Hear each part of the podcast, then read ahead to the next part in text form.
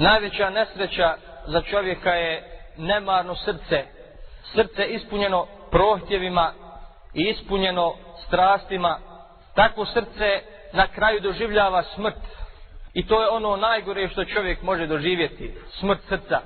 Poštovana braćo, kao što su hrana i piće i kisik neophodni za čovjekov organizam, za ljudsko tijelo, tako je duhovna hrana neophodna čovjeku za njegovo srce da bi opstalo u životu.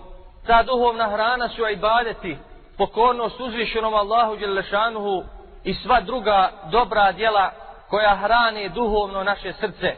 Nasuprot toga grijesi koji su naša svakodnevnica su otrovi koji uništavaju srce i uništavaju njegovu živost. Kao što se čovjek drži uzroka koji održavaju njegov život ili koji ga održavaju u životu, tako isto treba da se čuva i uzroka koji održavaju život, duhovni život njegovog srca. Jer smrću čovjek raskida vezu sa Dunjalukom, međutim, ako mu srce umre, raskida vezu i sa Dunjalukom i sa Ahiretom. Neki od pobožnjaka su govorili, doista su neki ljudi čudni, plaću za onim čije je tijelo umrlo, a ne plaću za onim čije je srce umrlo, a to je gore. Poštovana braćo, danas je puno više oni čija su srca umrla, nego oni čija su tijela umrla. I u istinu čovjek treba da pridaje pažnju svome srcu, da ga hrani svakodnevno duhovnom hranom, jer u protivnom srce će mu umrijeti, a kada mu umre, onda ga je veoma teško oživjeti.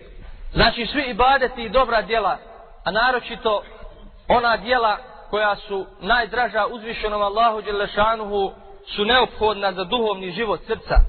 I od najvažnijih ibadeta koji oživljavaju naša srca jesu spominjanje uzvišenog Allaha Đelešanuhu ili zikrullah, učenje Kur'ana, traženje oprosta od Allaha Đelešanuhu, učenje dove, sjećanje na smrt i noćni namaz.